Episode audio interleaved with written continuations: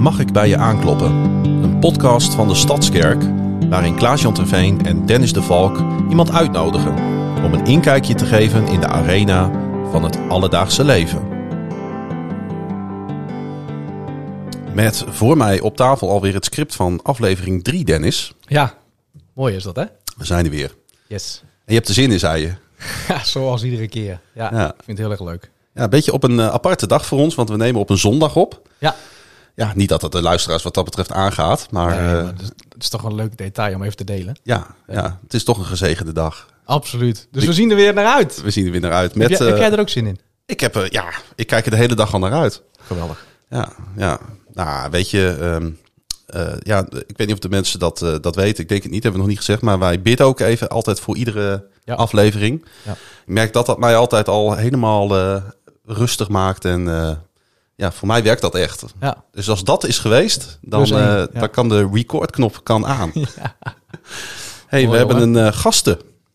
Ja, en wat voor een gasten. Ja, Hey. Paula Roelfs, Roelfsema. Moet het even goed zeggen?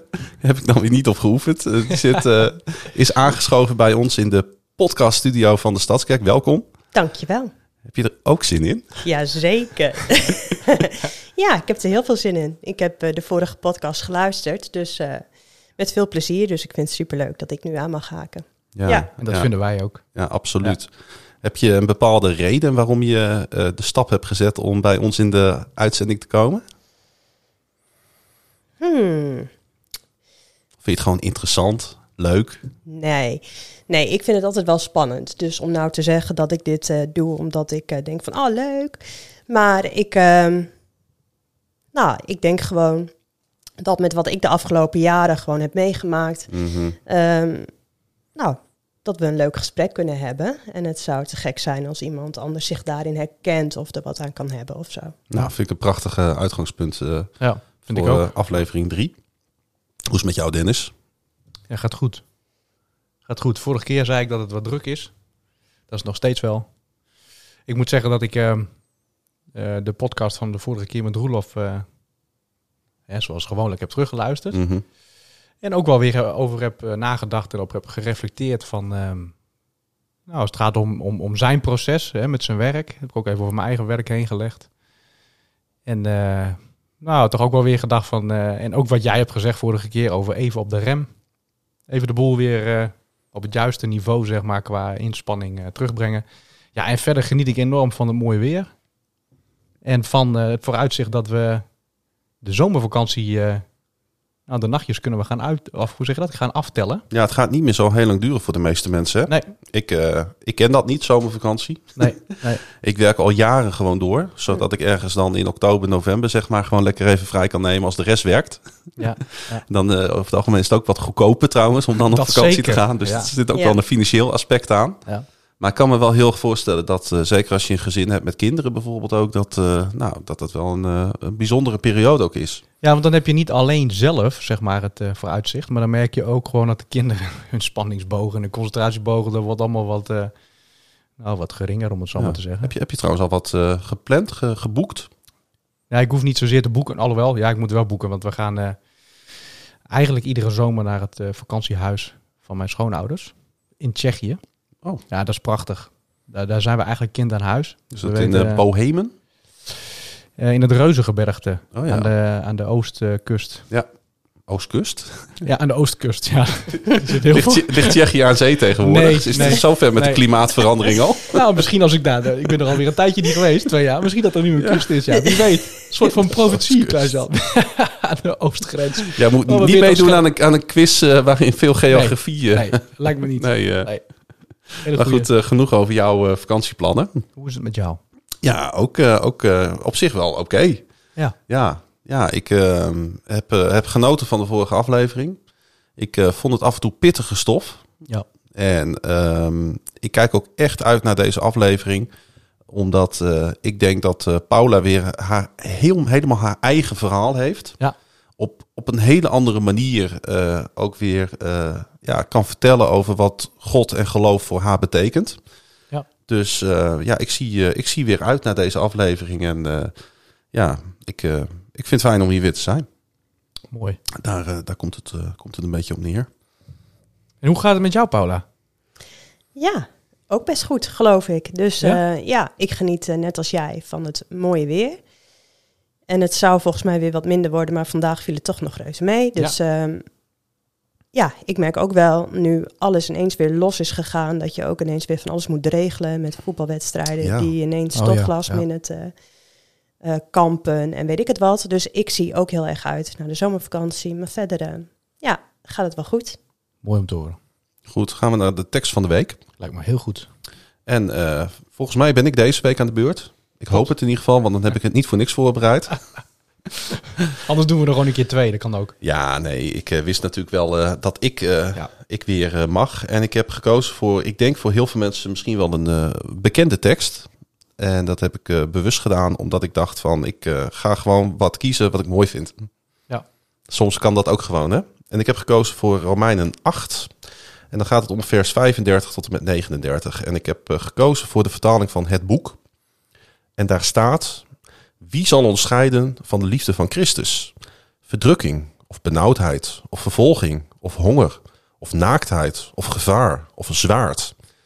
Want ik ben ervan overtuigd dat nog dood, nog leven, nog engelen, nog overheden, nog krachten, nog tegenwoordige, nog toekomstige dingen, nog hoogte, nog diepte, nog enig ander schepsel ons zal kunnen scheiden van de liefde van God in Christus Jezus onze Here.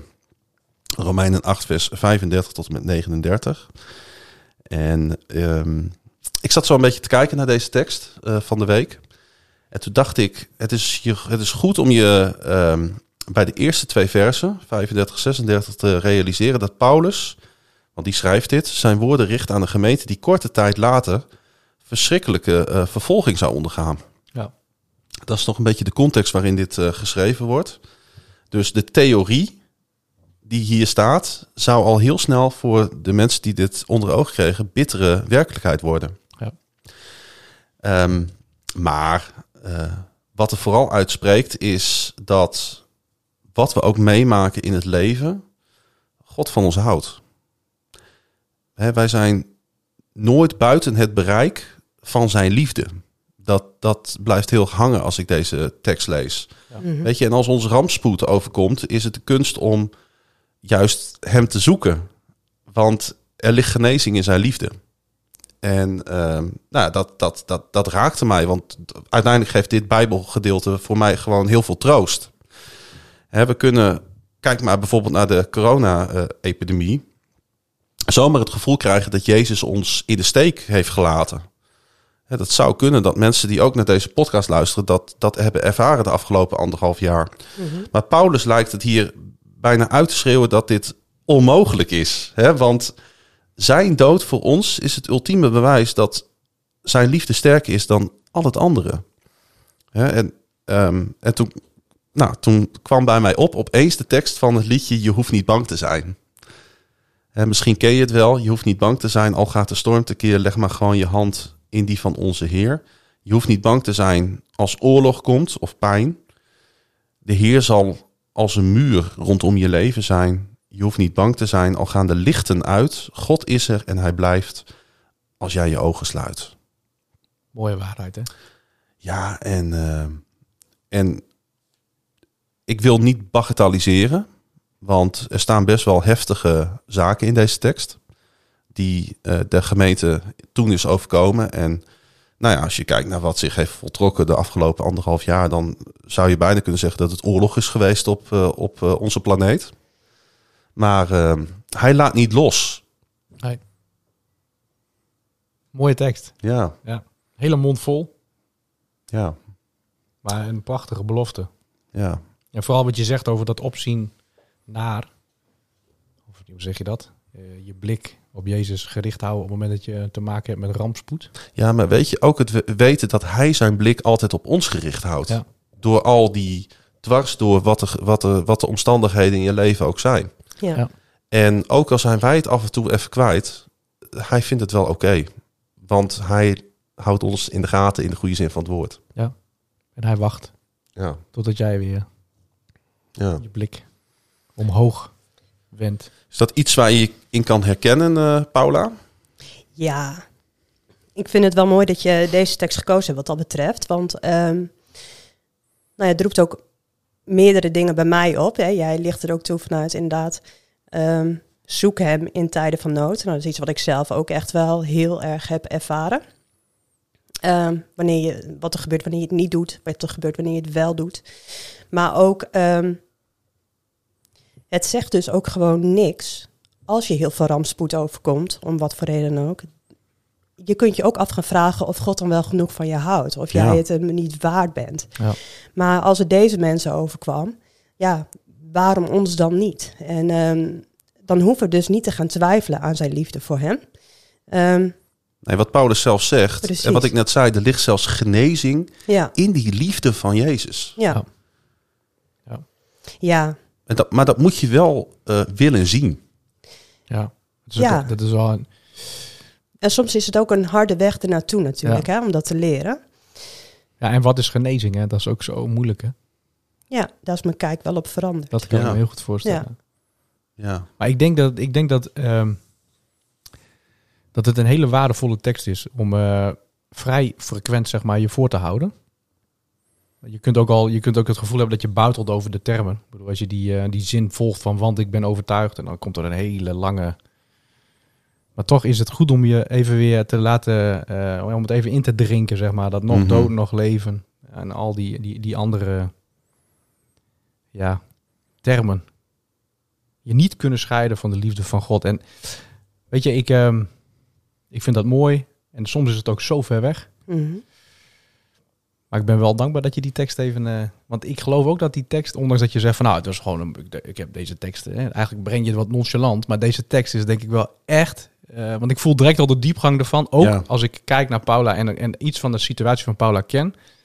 raakt dat heel veel van jouw situatie van de afgelopen jaren. En het lijkt me mooi om, daar, eh, om het daarover te hebben. Maar ik denk ook dat het goed is om de luisteraars even mee te nemen... in wie is Paula nou eigenlijk? ja. Hè, kun, je, kun je eens wat over jezelf vertellen, waar je vandaan komt, eh, hoe je situatie op dit moment is? Ben je getrouwd? Waar komt, nou ja, dat zijn al genoeg vragen om even. Mhm. Ja, ik ben getrouwd met Paul. Ja, Ik vind hem ook nog heel leuk, dus dat scheelt. eh, dat scheelt heel veel. ja, dat is heel prettig. Ik heb eh, vier kinderen. Esmee is 13, Thomas is 11, Juda is 5 en Naomi is 3. En ehm, ik woon in Groningen. Ehm, daar woon ik sinds 2014. Tot die tijd woonde ik in de omgeving Delfzijl, Appingedam. Daar ben ik opgegroeid. Eh ben 38 jaar. Vergeet ik iets? Eh, wat vind je leuk om te doen? Wat zijn je hobby's? Ja, nou dat is een eh, leuke vraag, want ik ben ik een beetje aan het herontdekken eigenlijk door alles Ja. wat ik de afgelopen jaren heb, eh, nou, waar ik mee ben geconfronteerd. Dus ehm, Ja. daar heb ik nog niet helemaal een passend antwoord op, want er zijn vergane hobby's. Ehm, en er zijn nieuwe hobby's aan het ontstaan. Ik vind het heel leuk om eh, een bootje te varen bijvoorbeeld. Ehm, lezen doe ik graag, gun ik me niet altijd de rust voor, maar doe ik wel graag. Ehm, ik ga heel graag borrelen en eten met eh, familie en vrienden. Ehm, dat soort dingen. Ja. ja. Was je favoriete televisieprogramma? Oeh. Ja, ik vind het dus vreselijk, want ik kan nooit kiezen uit iets. Ehm, Shownieuws. Nee, ik, eh, nee. Ben, ik eh, vind, eh, als ik kijk, ik vind ehm Zweedse series over het al- een Oh, beetje ja. de Zweeds-Deense politie-series vind ik erg leuk. Ehm, zoals The Bridge. Beetje spanning en thriller. Ja. Ehm, ik kom even niet, er is ook zo'n Brits of Schotse, ik zou niet eens Het, is, weten. het, is, het is niet zo belangrijk hoor, nee, dit. maar dat Nee. soort series vind ik leuk. Nou, hebben we een beetje een beeld van je. Ja. Laten we dan eens die, de switch maken naar, naar de plek waar we nu zitten. De Stadskerk. Ja. Mhm. Eh, ik weet niet, hoe lang is het eigenlijk geleden geweest dat je hier weer eens was in de kerk? Voor mij de Ja. laatste keer. Nou, dat valt dus mee. Want eh, er waren vorige week zondag nog een paar plekken vrij. Dus toen heb ik eh, de dienst bezocht. Ehm, en in de afgelopen periode heb ik af en toe een parel opgenomen. Dus op dat soort momenten was ik er dan nog wel. Ja. Ehm, maar goed, grootschalig is natuurlijk een hele andere koek. ja heb je het gemist? Ja. Ja. Ik weet nog dat ik eh, vroeger eh, hè, ging je uit eh plichtsbesef misschien wel naar de kerk toe. Niet, niet vroeg het laatste jaren hier, Mhm. maar wel, eh, weet ik veel, als jongere. En nu denk ik wel van, oh ja, er is dus echt wat veranderd. Want het is echt een gemis als ik niet... Dus ik begrijp uit jouw gaan. woorden ook dat je al een tijdje rondloopt hier in de Stadskerk. ja, maar niet sinds... ik, niet als jongere, toen liep ik in een andere kerk. Oké. Maar ehm, de Stadskerk, ja, dat denk ik nu een jaar of tien. Eh, niet tien jaar lid, maar wel eh, ja, Mhm. tien jaar bezoeker, zeg maar. Kun je, kun je eens wat vertellen over die reis? Hoe je hier bent gekomen en wat, wat dat... Ja, nou ja, mijn eerste heeft. ehm, bezoekje was dus ehm, nog in het oude gebouw. En toen ging ik met mijn broertje mee, geloof ik. Ik zat zelf in een niet super chille periode. Ik lag in echtscheiding in die tijd. En eh, dat maakte dat ik niet... eh, ehm, nou, in die fase was ik sowieso zoekende naar een kerk. Dus eh, ik was verhuisd van Delfzijl naar Hoogzand. En daar had ik nog niet echt een gemeente. Dus toen, nou, hele omreis. Toen ben ik eens meegegaan met mijn broertje naar eh, de Stadskerk. En ehm, ja, dat ben ik, die ben ik steeds vaker gaan bezoeken eigenlijk. VBG toen nog, denk ik. Hè? En, eh, ehm, dus dat begon met een enkele keer, totdat ik er niet meer weg te slaan was. ja. Ja. En dan praten we over 2011, 2012 in die periode. Ja, ik denk 2010 eh, voor het eerst dat ik er kwam. Ja. En, en, en wat, wat maakte dat je hier niet meer weg te slaan was, volgens eigen woorden? Nou, in die tijd eh, hadden we natuurlijk Wim Stoorvogel, Ja. onder andere. Ehm, ik vond het, ehm, wat me altijd, ik vond het soms heel erg zoeken in dat het, eh, het leek voor mij heel vaak in de weg die ik ehm, afgelegd had, alsof mensen eigenlijk zeiden, als je niet dit doet, dan, nou ja, staat je een leven vol, of weet ik veel, dan is het verdoemenis en Mhm. ik weet niet wat. Of het was het complete tegenovergestelde. En dat was, ja, maar ach, hè, doe wat je gelukkig maakt. Of er is eh, altijd de liefde van de Heer. En in eh, de preek in de stadskerk, of in de VBG toen dus nog, vond ik, denk daar een beetje de middenweg in. Ja, het doet ertoe wat je kiest. En ja, er is genade. Ja. En ehm, ja, dus dat vond ik verrassend, vernieuwend. En het eh, daagde me uit tot het opnieuw onder de loep nemen van mijn beeld van God. En eh, daar is een begin mee gemaakt, denk ik, in eh, de VBG. En ik kan me voorstellen, als je in zo'n periode zit waarin pijn in je leven komt, Mhm. dat je daar genade bij nodig hebt. Ja, Dat het op het goede moment, dat genade op jouw pad kwam. ja, dat denk ik ook. Ja. Ja, want dat is uiteindelijk natuurlijk, ik zou bijna willen zeggen, de samenvatting van het Nieuwe Testament. Ja. Kan je samenvatten in één woord en dat is genade. Mhm. Ja. En hoe is het in die periode daarna gegaan? Want je hebt dus weer een nieuw iemand in je leven mogen leren kennen. Ja. Ja, ehm, dat is eh, in die zin. ehm, we hebben uiteindelijk dus de stap gemaakt om in Groningen te gaan wonen. Omdat eh, ik wel altijd het verlangen had om ook eh, mijn kinderen in de omgeving van een gemeente te hebben. Dus ik dacht, ja, of het wordt een andere gemeente zoeken of het wordt een andere woonplek zoeken. Dat is een van de redenen in ieder geval geweest. En eh, we zijn dus naar Groningen verhuisd en eh, lid geworden van deze gemeente. En daarna zijn we ook getrouwd, mijn man en ik. En ehm, dus eigenlijk ons leven hier gestart. En ehm, ja, hoe heeft dat eruit gezien? Ik werkte eh, in eerste instantie bij een notariskantoor. Ik heb een eh, ja, achtergrond eh, op rechtengebied, zeg maar. Mhm. En vervolgens heb ik een periode bij een scheepvaartbedrijf gewerkt. En uiteindelijk bij Athletes in Action terechtgekomen. En ehm, ja, dat voelde als echte bevestiging ook van het feit. We voelden toen sterk dat we hier gewoon een plek moesten gaan zoeken. En dit was daar voor mij ook weer een bevestiging in. En daar eh, heb ik met heel veel plezier gewerkt. Ehm, en toen ja, ontstond eigenlijk na een paar jaar dat ik steeds meer fysieke klachten kreeg. Totdat ik eh, op een gegeven moment eh, ja, letterlijk door mijn benen zakte, zeg maar. En toen ben ik mijn werk daar uiteindelijk ook kwijtgeraakt. Dus ehm, hoe ziet het er nu uit?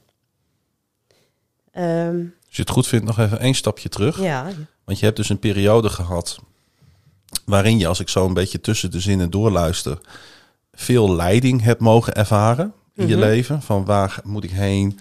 Letterlijk tot waar moet ik wonen? Wat wordt mijn gemeente? Met welke man aan mijn zijde ga ik verder Ja. hè, naar de toekomst. Wordt dan een beetje het fundament wat je voor je gevoel hebt opgebouwd ook weer heel snel teniet gedaan? Brokkelt dan opeens die vaste grond ook, eh, ook weg? Ja, ik denk het wel. Want ehm, juist als je dus inderdaad denkt dat je bepaalde stappen zet richting God. Of ehm, dat je denkt dat je doet waar, ja, waar hij je geleid heeft. Dan is het natuurlijk eh, verrassend om te constateren dat daar een eh, halt aan zit Ja, of zo. ja. En ehm, dus ja, dat was zeker zo. Ik begreep er geen donder van. Nee. Nee.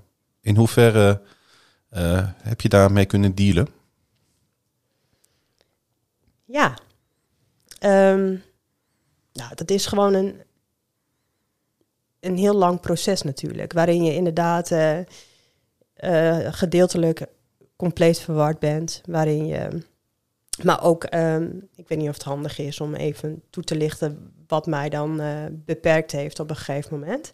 Ja, dat is, Maar- dat is zeker heel goed. Ja, nou ja, het, is zeg maar zo dat ik met de jaren merkte ik dat ik steeds minder fysiek eh, kon handelen. En, ehm, maar goed, toen dacht ik gewoon een beetje zwakke rug. Ehm, maar ik begon steeds een beetje meer in te leveren. Totdat, ehm, nou ja, ik dus inderdaad door mijn benen zakte. En dat een paar keer herhaaldelijk gebeurde. En niet helemaal duidelijk was waar, nou ja, wat, wat de oorzaak was. Nou, uiteindelijk eh, zijn er wat verkeerde conclusies getrokken, waardoor ik nu in ieder geval in het... in de situatie zit dat ehm, mijn rug was hoe dan ook niet te herstellen. Dus echt gewoon een beetje genetisch pech. Ehm, maar dat, voor, nou, dat veroorzaakt gewoon chronische pijn. Alleen omdat mijn zenuwen en allerlei wervels jarenlang bekneld hebben gezeten, zijn ook mijn zenuwen beschadigd. Dus heb ik eigenlijk heb ik gewoon alle dagen pijn, van onderrug tot grote teen. En ehm, hoe meer ik doe, hoe meer pijn ik heb. Maar het is soms ook zoals ik niks doe, dat ik nog steeds heel veel pijn heb. Dus het is onwijs grillig. Hoe is het nu bijvoorbeeld eh, met je? Letterlijk eh, zoals je nu op deze stoel zit? Nou, ik merk dus eh, zitten is niet mijn sterkste punt. Dat kan ik niet zo heel lang goed. Ehm, dus ik voel dat, maar ik heb nu ook genoeg afleiding om een soort van mee te dealen. En ik heb op zich wel een goede dag, dus dat is wel heel fijn. Ehm, want meestal is aan het eind van de dag, dan kan ik het eigenlijk wel op mijn buik schrijven. Maar dus het gaat vrij goed vandaag. Maar het heeft dus een grote impact op jou en waarschijnlijk dus ook je omgeving eh, gehad. Ja, Nog steeds. Ja. ja, ja, nog steeds natuurlijk. Ja. Ieder- iedere dag. ja. Als ik je zo, eh, als je zegt van ik heb vandaag een goede dag, dan is het dus, heb je dan ook het gevoel dat je van dag tot dag leeft of zo? Ja, ik, ja.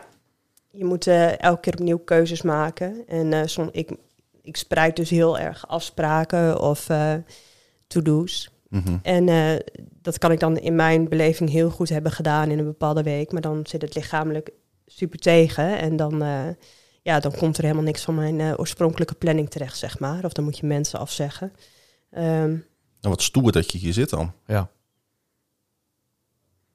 nou, weet niet, zo kijk ik er niet naar. Maar eh, bedankt, denk ik Nou, dan. ik, ik, ik wel. Ja, ik ook. Voor mij is het heel. Voor mij is het. heel- Kijk, ik, ik realiseer me dat helemaal niet. Ik stap op de fiets. Ik kom hierheen. En eh, nou heb ik ook wel wat fysiek ongemak. Want ik ben bijvoorbeeld dan veel, weer veel te zwaar. Dus dat brengt ook wel eens wat, eh, wat complicaties met zich mee. Maar Mhm. dat staat in geen verhouding tot, eh, Nee. tot, tot jouw verhaal. Nee, nou ja, kijk, het is natuurlijk gewoon zo. Als je altijd pijn hebt, dan kosten dingen inderdaad meer moeite. Ja. Dus eh vol pret is vaak weg, ook voor de leuke dingen. Mm. Ehm, maar goed, soms valt het ook juist reuze mee, terwijl ik verwacht dat ik er eh, ehm, heel heftig gevolg ga, ga- van ga hebben. Want dat calculeer ik soms ook in. Want soms wil je ook gewoon per se iets. Dus ehm, dat is er ook gewoon nog. Ja, en als je nou eens kijkt naar dat proces, hè. Ik kan me voorstellen, en eh, als het niet klopt, dan moet je me gelijk onderbreken. Mhm, Dat zo'n proces begint met eh, bepaalde emoties. mhm. verdriet, onbegrip, boosheid. Ehm, welke rol speelt God in, het, in, in dit proces? Ja. Eh, kun, je, kun je ons en, en de mensen die luisteren misschien daar eens in meenemen dat als je zoiets meemaakt in je leven en ik denk dat we allemaal periodes van pijn in ieder geval in ons leven Ja. wel kennen. Ik denk dat we ons daar wel aan kunnen spiegelen. mhm. Hoe buig je dat dan om naar, hey, ik ga mijn schouders eronder zetten. En eh, ik geloof dat God nog van allerlei mooie dingen voor mij in petto heeft. Ja, nou, in mijn geval heb ik heel lang de hoop gehad dat eh, mijn situatie zou veranderen. Totdat blijkt dat dat gewoon eh, geen optie is, menselijk gezien natuurlijk. En je gaat uiteindelijk van alles proberen. Hè? Dus je gaat naar jezelf kijken en je denkt, nou, ehm, er wordt gebeden voor genezing, maar het is niet gebeurd. Dus dan, of mijn geloof is niet groot genoeg, of ehm, misschien ben ik te zondig. Is dat echt door je hoofd Ja. geschoten? Ja, maar dat hoor je natuurlijk ook echt wel vaak in de kerk. Hè? Dus eh, je gaat, ik denk wel dat je al die woorden heel serieus gaat nemen. Omdat het je, of tenminste, in mijn geval, ik ging het allemaal wel onderzoeken en eh, ik nam het allemaal wel mee. Ja. Ehm, nou, wel dat ik ook wel bang geweest ben dat het misschien een straf van God was. Ehm, Dat zijn hele heftige gedachten. ja.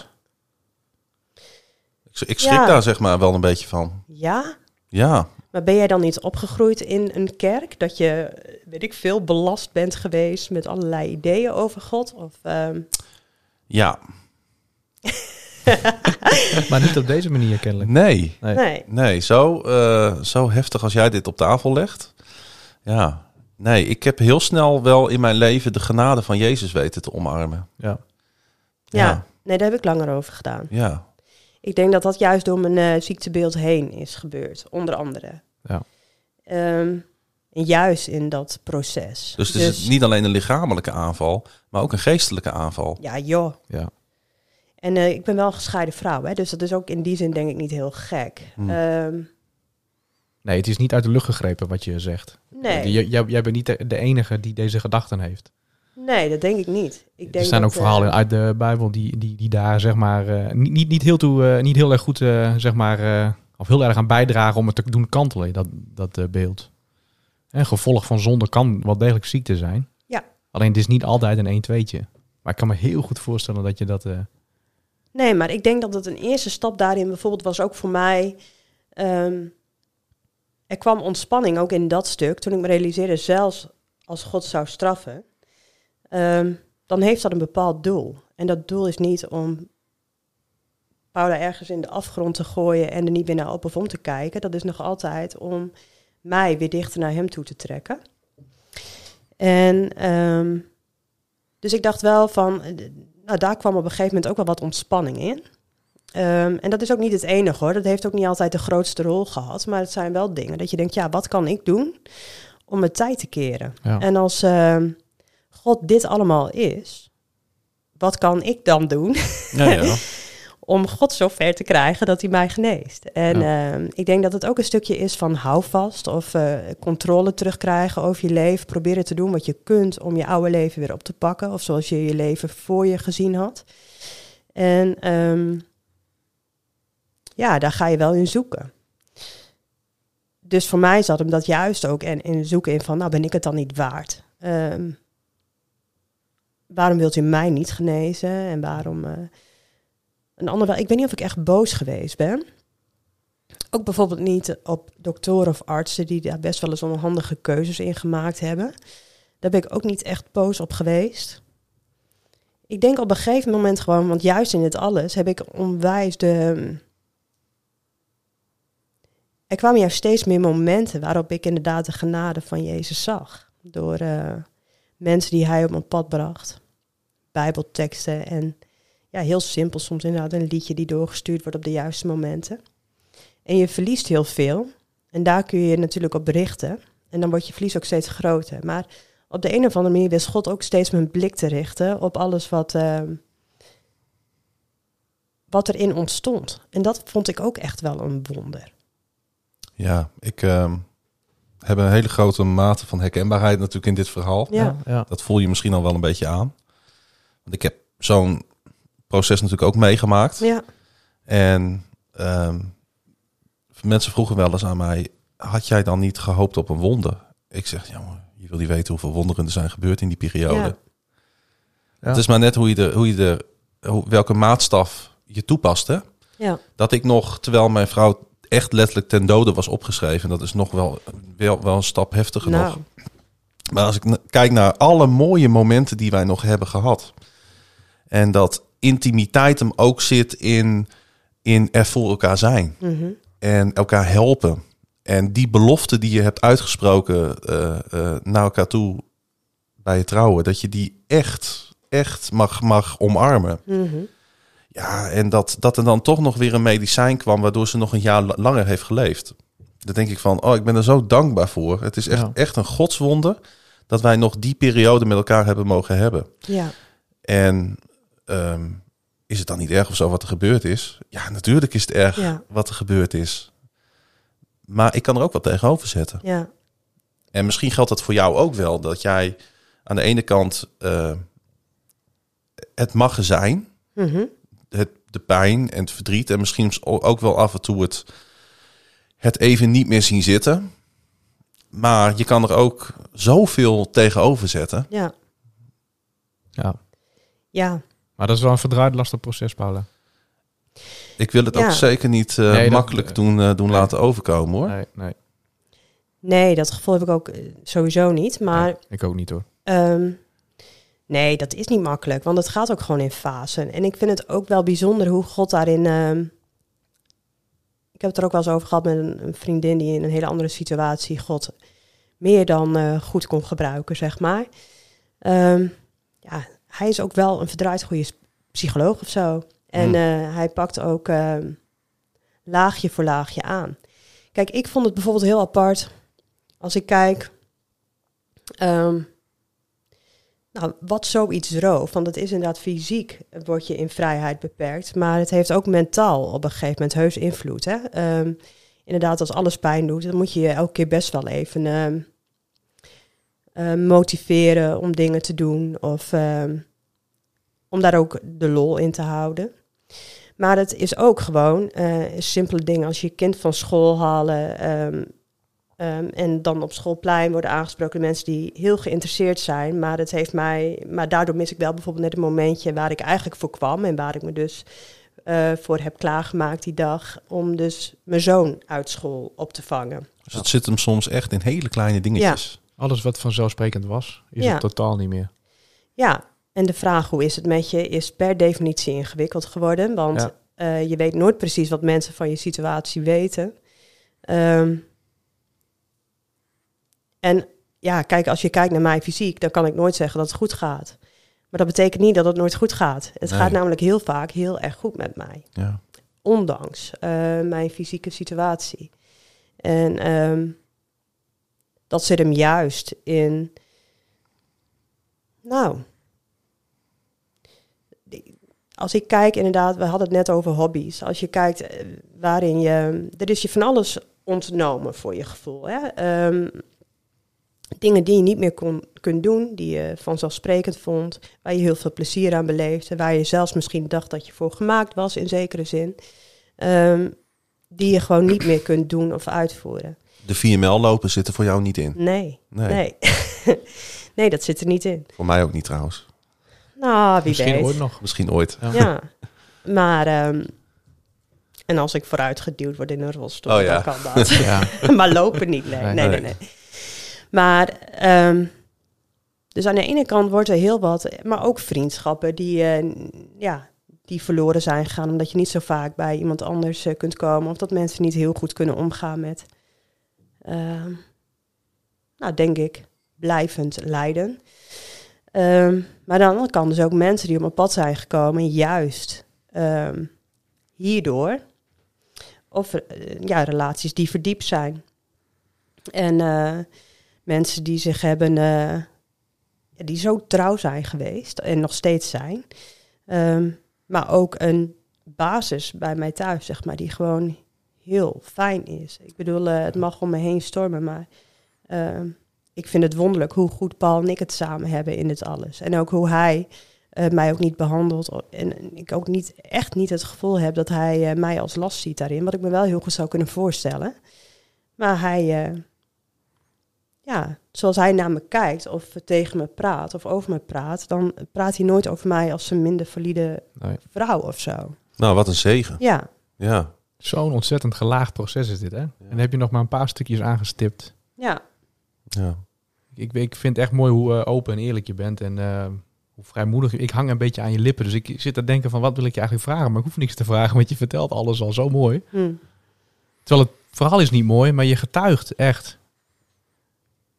Ja, maar ik ben natuurlijk wel. eh, wanhopig geweest. Ik bedoel, er zijn, en dat is er natuurlijk heus wel eens. Hè? Ik bedoel, één keer in de zoveel tijd, dan is het ook gewoon zo dat mijn pijn me overweldigt. Dan Ja. heb je, je, je red je wekenlang, soms maandenlang, en ineens kun je gewoon niet meer voor je gevoel.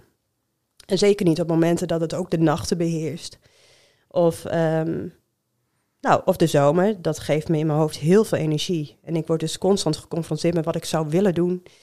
En ehm, niet kan doen. Dus ik merk ook dat ik, dat is ook altijd even weer zo'n fase. Terwijl ik ook gewoon op zich wel eh, fijner zit in de zomer. Ook gewoon met mijn... eh, temperaturen en ja, dat doet mij altijd goed. Ja. Ehm, maar goed, er zijn ook gewoon, ja, en die zijn altijd momenten dat je het eigenlijk niet wil of niet eh, kunt hebben. Maar de dagen dat ik gewoon niks anders kan doen dan huilen, die zijn er ook heus. Maar, en dat is ook straks wel waar mijn lied denk ik een beetje over gaat. Maar ehm, in die momenten, als je dan dus inderdaad hebt over de tekst die jij ook hebt uitgezocht. Ja.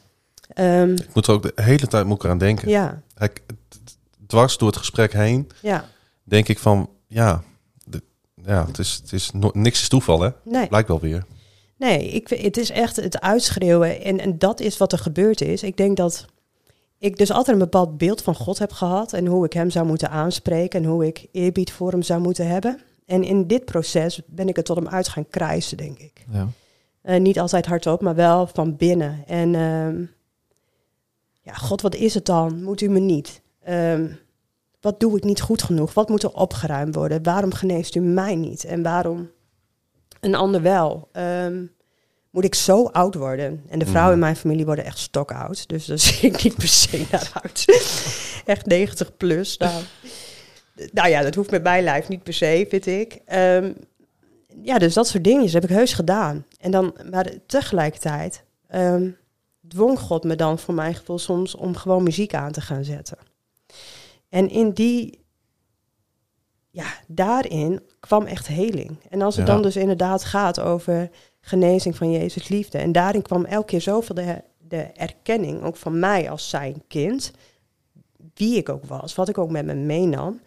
Ehm, wat ook wel cool is, en dat was dus, je las die tekst voor en het, het slaat misschien helemaal nergens op, want ik heb deze tekst niet eh, voorbereid of zo. Maar er staat heden en toekomst. En er wordt ook helemaal niks gezegd over verleden. En het zijn eigenlijk al de uitersten, hè? engelen versus regering volgens mij. Dus aardse machten tegen hemelse machten. Ja. Het gaat over leven nog dood, ook tegenstrijdigheden. En ik vind bij toekomst wordt eigenlijk verleden. Maar blijkbaar is het verleden überhaupt niet de moeite waard om te noemen of zo in Nee. deze tekst. Heel scherp. Ja. Ehm, dus dat vond ik. Dat ik dacht, oh ja, dat, dat zijn van die... En misschien is het compleet uit mijn duim gezogen. Maar ik las dat gewoon zo. En dat vond ik wel... Dat ik dacht, oh ja, verleden, whatever, dat heeft God lang laten rusten. Daar hoeven we ons sowieso geen zorgen meer over te maken. En juist in, op de momenten dat ik me ook het meest wanhopig heb gevoeld... dan ontstond er altijd wel iets. Ook wel dat ik echt dacht, ja, God... Hè, dat lied zegt ook, zie hoe Jezus daar loopt... Eh, en dan, dan wordt ook gezegd, mijn God, waarom verlaat u mij? En Mm. van, nou, zo kan ik me voelen, echt waar. Zo kan ik me voelen. Maar het is niet waar. Nee. De, Ja. Het is echt niet waar. En dat laat hij nog veel vaker zien. Ehm, en ik heb denk ik misschien wel juist in deze periode de mooiste ontmoetingen met Jezus gehad. Maar ook de echtste. Dus niet van mij hoe ik dacht dat ik me moest gedragen naar God toe. Maar vanuit de diepste wanhoop en emotie, denk ik. Ja. Wat een trouw Ja. van God. Ja. Ik denk dat dat een mooie eh, afsluiter is eh, voor eh, wat betreft ons gesprek. Ehm, ja, dan moeten we altijd even schakelen. maar wel een hele fijne schakeling. Want het betekent dat we namelijk naar Roelof mogen gaan luisteren. En ehm, nou, ik ben echt... ja, ik zit klaar. Want ik heb expres niet geluisterd van tevoren deze keer. Nee. Dat ik dacht, ik laat het even op me afkomen. En eh, ik stel voor dat we daar eh, nu naar gaan luisteren.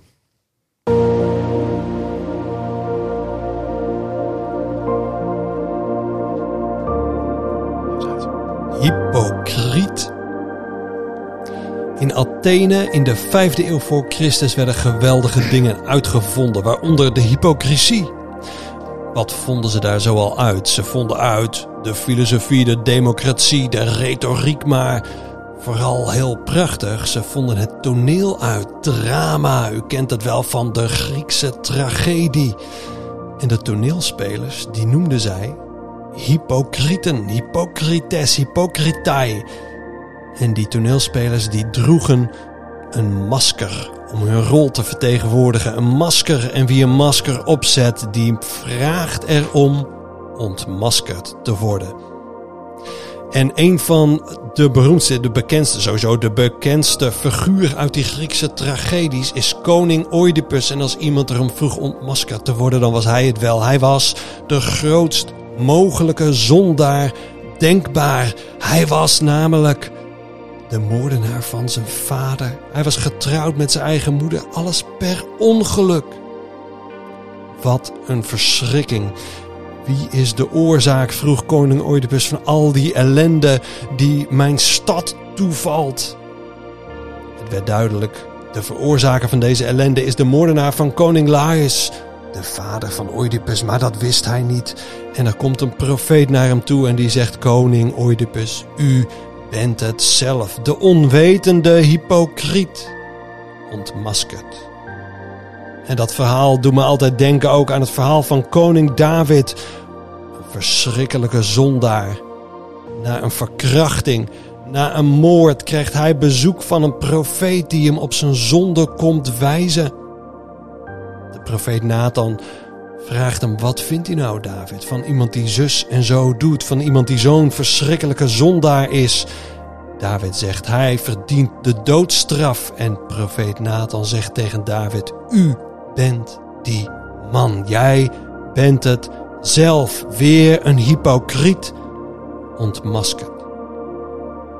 En in de Bijbel vinden we dat woord hypocriet terug in Matthäus 23. Als Jezus een reden houdt om alle huigelaars, alle hypocrieten te ontmaskeren. Wee, jullie schriftgeleerden en fariseeërs, hypocritai. Het is het refrein van dat hoofdstuk. Steeds weer opnieuw zegt Jezus, wee, jullie hypocrieten. Jezus ziet door alle maskers heen. Jezus ontmaskert ieder toneelspel. Oordeel dus niet te snel, want dan klinkt zijn stem. Zeg, hypocriet, toneelspeler, je bent het zelf.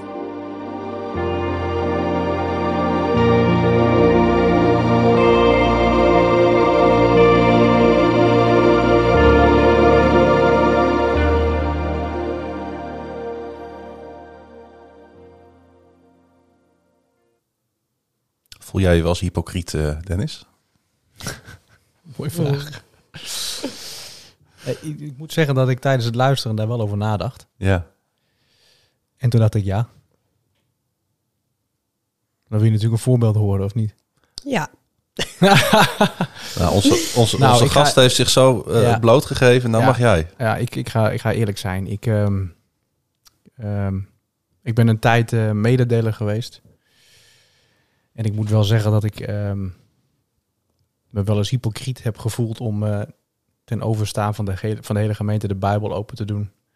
Na een week waarin ik, eh, nou ja, ik, ik kan niet eens een voorbeeld bedenken, maar echt wel wat misstappen heb begaan naar broers of zussen of, of eh, ehm, in mijn gezin. Of ik, ik, maar ja, als, als antwoord op jouw vraag of ik wel eens hypocriet heb gevoeld. Ik ja, wie, wie ben ik nou om hier wat te gaan vertellen aan, aan, aan, aan duizend man? En dat twee keer. Oh, ja. Dat is best lastig. En dan voel je ook echt de echte aanklacht. Hm. En jij dan, Klaas-Jan? Nou ja, hij die zonder zonde is, werpen de eerste steen, hè? Ja. En dat zijn wij niet. Wij zijn niet zonder zonde. Mhm. En ehm, ja, ik, ehm, ik voelde me. ik voelde me vroeger al vaak wel heel hypocriet. Dan was ik op stap geweest op zaterdagavond. Dan zat ik op zondagochtend in de kerk omdat ik mee moest. Ja. Dan zat ik daar en dan dacht ik, ja, waar ben je nou eigenlijk mee bezig? En ik, eh, ik kreeg het steeds meer op latere leeftijd dat ik in de stad was. Omdat ik mee werd gesleurd of eh, het me allemaal niet uitmaakte. En ik heb heel vaak van die momenten gehad dat ik dan even buiten mezelf trad. Dan zag ik mezelf staan. Ja. En dan dacht ik, letterlijk dacht ik dan, waar ben je in hemelsnaam mee bezig, Klaas-Jan? Ja. Wa- Wat, doe jij hier? En, en, en, en aan de ene kant verkondigen dat je van Jezus houdt en je wilt je laten dopen en je, hè, Je wilt er ook nog misschien wel eens een heel klein beetje goede sier mee maken ook nog dat je dat gaat doen. Van kijk, mij is eh, van Jezus houden. Ja. Dan sta je hier, eh, weet ik veel, je pinpas door een apparaat te halen met, met al die rotzooi die je naar binnen gooit. Ja. Dus ja, ik heb vaak van dat soort momenten gehad. En ik heb ze nog wel eens. Ja. Vind je dat ook lastig? Nee. Nee. Nee, ik vind het niet per se lastig. Maar ik bal wel eens van mezelf. Ja. Dat ik denk van, hoe kan het nou dat je weer in die valkuil eh, trapt? Ja. Je, je, je hebt je nu toch vaak genoeg aan die steen gestoten. Ja, Ja. En, en dan doe je het weer. Ja. Ja, dat, eh, dat, dat, daar heb ik wel eens moeite mee. Maar ik kan het ook wel weer naast me neerleggen en ik kan wel doorgaan. Ja, Dus ook, voor, ook een soort van eh, een aanklacht start ook uiteindelijk in je eigen hart of zo. Hè? Dat vindt een oorsprong in, je, in, je, in, je- in jezelf. Zonder dat iemand ook maar iets heeft gezegd, voel je jezelf al hypocriet. ja. Ik kan best wel goed boos op mezelf worden. Ja, mezelf een pak rammel geven, zeg Kan- maar. Dat kan soms heel functioneel zijn. Ja. eh, over het algemeen. eh. Maar ik weet ook dat niets mij kan scheiden van de liefde van Jezus. Precies. Ja, Paula, jij dan? Want ik Ja. ben wel nieuwsgierig of jij je daarin herkent. Ja, joh. Ik denk dat ik eh, sowieso... eh, ja, ik heb een groot schuldbesef, denk ik. Dus Ja, ja, ja. ja dat, dat voel ik me zeker. Ik, ja... Om nou te zeggen van, oh, dit is nu eh, direct eh, iets, dat weet ik niet. Maar nee. ik weet alleen inderdaad dat je gewoon eh, al vallend en, op- en opstaand achter Jezus aangaat. En dat je inderdaad eh, toch regelmatig even op moet krabbelen. Omdat je toch weer inderdaad als een ezel... Zelfs een ezel doet het niet, hè? Dus eh, wij Nee. zijn helemaal... eh Precies. Is dan nog erger. stoot zich geen twee Ja. keer. Ja. Dus ja, ik voel me soms echt wel een hele grote ezel. Ja, zeker weten. Nou, dat lijkt me een, ehm, niet zo'n hele mooie afsluiter. Ik voel me soms wel eens een ezel. Ja. nee, Ja. dat is... eh, We hebben een eh, titel voor de podcast. nee, dat doet geen recht aan, eh, aan het verhaal wat Nee. verteld is. Nee. Ehm, we, gaan, eh, we gaan naar de muziek.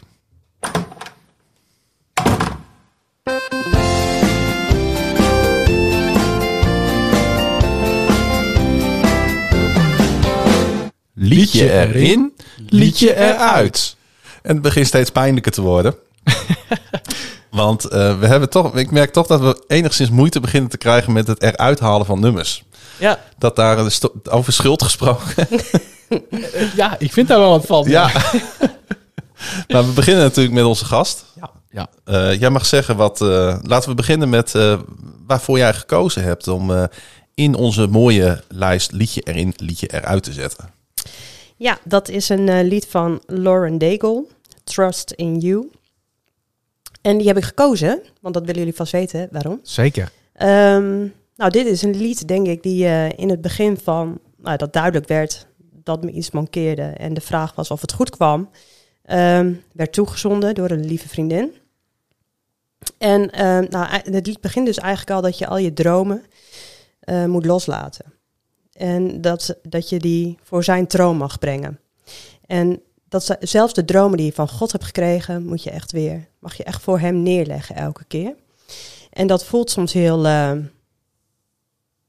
nou, dat kan heel treurig zijn. En dat is het soms misschien ook, want het doet soms pijn om dingen los te laten. Alleen ik geloof ook gewoon dat God daar dus nieuwe dromen voor in de plaats geeft. En dat zie ik ook bij mezelf gewoon terug. Maar ook gewoon het gevecht komt hier in dit lied heel duidelijk naar voren. Hè? Dat je gewoon probeert om zelf de strijd te strijden. Kun je een voorbeeld geven van een, van een line uit de, uit de tekst? Wat je, wat, je, wat je raakt? Ja, dat is denk ik ook wel dat, eh, waar die meteen mee begint. Dus letting go of every single dream. Ehm, I've tried to win this war, I conf- confess. Mhm.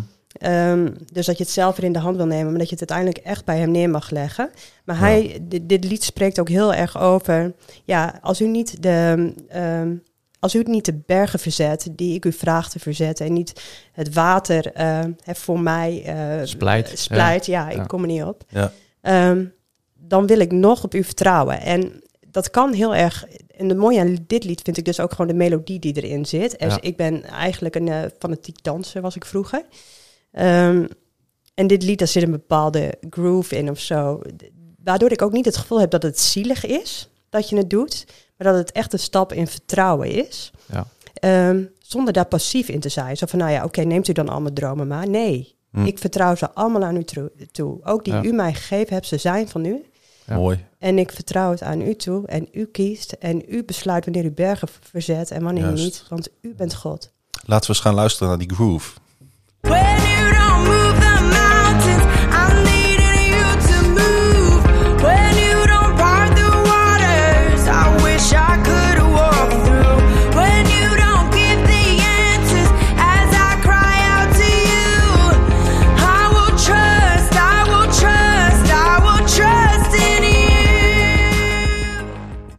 Ja, lekker hoor. Ja, dat is Ja, zeker lekker. Ja, dit, eh, dit luister. Ja, die, ik ga hem op de fiets terug even opzetten. hey, en eh, welke, welke moet eruit? Ja. Dit wordt eh, pijnlijk. Voel je vrij. ja, dat is eh. History Makers. Oké, daar is schat van de deur. Ja. ja, eh, ik weet het. Ik, Wees eerlijk, wees eerlijk. Ja, ik kon hem niet eens afluisteren. Nee, ik, nee. Vond het, ik heb hem echt stierlijk verveeld. Ja. Ik vond het... eh, Hij duurt ook 11 minuten. Ik, Ja. ik moet het toegeven. Maar ik, ik, heb er waardeer je geen, eh, pogingen. Je hebt het twee keer geprobeerd Ja. en het, ja, het kon je niet bekoren, helaas. Zou het een lied eh, meer voor mannen kunnen zijn? nou, ik Zal ik heb me het dus ook aan mijn man laten luisteren. Die zei ook... Oh, Maar goed, eh, dat is... eh, maar misschien... dit maakt het niet beter, hè? Ik zie dat hoofd van Dennis. ja, die Het is maar eh, goed dat het een, een, Ik ken een haar man, ik ken haar audio-medium is. Maar goed, ik kon dus niet eens naar de tekst luisteren, zeg maar. Zo werd Oké. ik... eh, zo, ja. Dus Nee, ik kan... is- dat eh, is helemaal niet die erg. zal ongetwijfeld eh, geweldig, prachtig en... eh, We strepen hem door. mm, Ja. Sorry. Keihard is deze wereld. Di- di- dit onderdeel is keihard, hè, Kluisan? Ja. Ja. Nou, Ja. ma- maak jij het dan even iets beter. Wel- Welke, wat, wat ga jij doen? Welke wissel pas jij toe? Eh, nou, dan ga ik gewoon. Laat ik dan ook gelijk met de pijn op tafel leggen en eh, vertellen wat eruit gaat. En ehm, ik ga mijn excuses er ook gewoon niet voor eh, aanbieden. Maar eh, het eh, nummer wat er vorige week is ingekomen, gaat er nu, voor, of twee weken geleden moet ik is ingekomen, gaat er nu alweer uit. En even kijken, hoe heet hij ook alweer? Bring them all in. Oh, dat is hem. Ja, Bring 'em All In van Mike Scott. En eh, ja, het werkte mij op mijn zenuwen. Ja. Ik heb het een paar keer geluisterd en eh, ik ben het wel iets meer gaan waarderen dan de eerste keer dat ik het hoorde. Maar niet genoeg. Maar niet genoeg. Niet helemaal mijn stijl. Nee. Nee. Nee. Dus eh, ik vond hem heel fijn als afwisseling in de lijst. Want ik waardeerde wel echt de... de, de Ja. Ik vond het echt een grote verrassing, dit nummer. Maar hij gaat er wel weer uit. Ja, dit is een hele mooie, sappige manier om eigenlijk gewoon dat nummer knijterhard af te kraken. Gewoon. Dat is niet erg, dat mag. Je hoeft er niet zoveel woorden aan te Beetje hypocriet, hè? Welke mag erin? Eh, we gaan eh, voor een nummer van... eh, ja, ik ken haar eigenlijk niet zo goed. Ook de rest van het repertoire niet per se. Het Corian Hawthorne. Ehm, en het nummer heet Speak the Name. Speak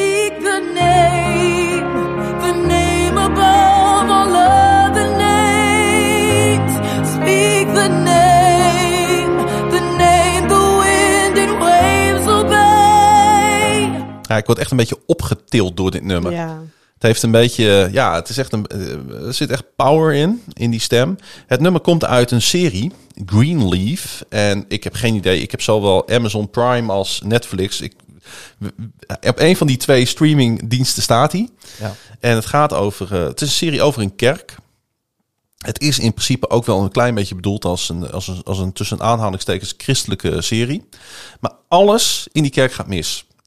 Echt alles wat je kunt bedenken, daar is natuurlijk ook een serie voor, Ja. gebeurt ook in die kerk. Ehm, en, en dan heb ik echt van moord tot, tot, tot, tot, tot geschuif met geld wat niet goed is. Mensen die niet goed met elkaar omgaan. Mensen die zwanger worden, weet je wel, wanneer dat eigenlijk niet helemaal moet.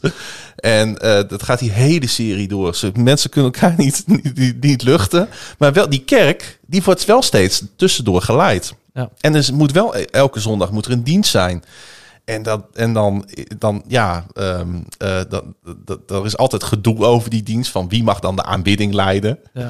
En wie mag er dan spreken? En dan duikt er opeens weer een familielid uit het verleden op, weet je wel. Dus dat gaat die hele serie gaat dat maar door en door en door. En je vertelde het met een grote glimlach. Heb je ervan genoten? Ja, ik heb er het wel een beetje van genoten. Ik heb er wel een beetje van gesmuld. Want op een gegeven moment komt er dan ook een andere kerk. Ja. Die wordt rechtstreeks tegenover hun kerk gebouwd. En die gaan dan een beetje met elkaar eh, de concurrentie aan. Dus ja, als je wil weten hoe je een kerk niet leidt... dan wil ik graag de leiders van deze kerk eh, Aanmoedigen. aanbevelen... om te kijken hoe het niet moet. Based on a true story. ja. Ehm, Dennis. Ja, aan mij de eer om eh, deze, deze keer eh, af te ronden. Ik heb een... eh, nee, ik zal allereerst vertellen welke eruit gaat. En ik ben heel erg... eh, ja, ik wil zo haast zeggen loyaal. Ik gooi er eentje van mezelf uit. Eh, Martin Smith is ook van, na vanavond eh compleet history. Om maar even in de mooie termen te blijven. Our God Reigns van Jesus Culture en Martin Smith. Die, eh, nou ja, dat is zo'n soort gouden ouwe. Die kent iedereen wel. Dat is ook oké om die eruit te gaan. Dat, dat doet me niet zo heel veel zeer. Ik heb wel een heel erg leuk nummer. Waarvan ik denk dat bijna niemand die kent. Wederom eh, alle credits naar mijn zwager Wieger Jan. Die heeft mij, eh, nou, 18 jaar geleden hiermee geïnfecteerd. Dat zijn de, de, hoe zeg je dat? De band die heet de Orange County Supertones. Eh, het mag duidelijk zijn waar ze vandaan komen. En het lied, eh, het nummer, eh, heeft de titel Faith of a Child. Ja, laten we maar gewoon naar een stukje luisteren. This time I don't have an answer. I don't think that I haven't tried. I still have the heart of a seeker, but I need the faith of a child. Oh, I need the faith of a child. Ja, ik zei al, eh, want we hebben de, voor de uitzending het ook al even geluisterd. Ik kreeg een beetje eh, voetjes in het zand eh, vibe kreeg Heerlijk, ik, van dit nummer. Heerlijke, Ja. ja. heerlijke ritmisch, mooie melodie. Ja. Ja, en de tekst vind ik gewoon mooi. En dat, dat, dat, dat hoor je natuurlijk. Dat, is ook, dat zit ook in de titel. But I need the faith of a child. En die, die, die- deze muziek heb ik ja, in het begin van mijn nou ja, christelijke carrière, zeg maar, heel veel geluisterd. En ook heel erg hard meegezongen. En ehm, ja, ik vind het gewoon een leuk lied. Dus ik dacht, heel veel mensen kennen hem niet. Dan doen we hem een liedje erin. Liedje Nou, eruit. Haal ik hem over twee weken weer uit?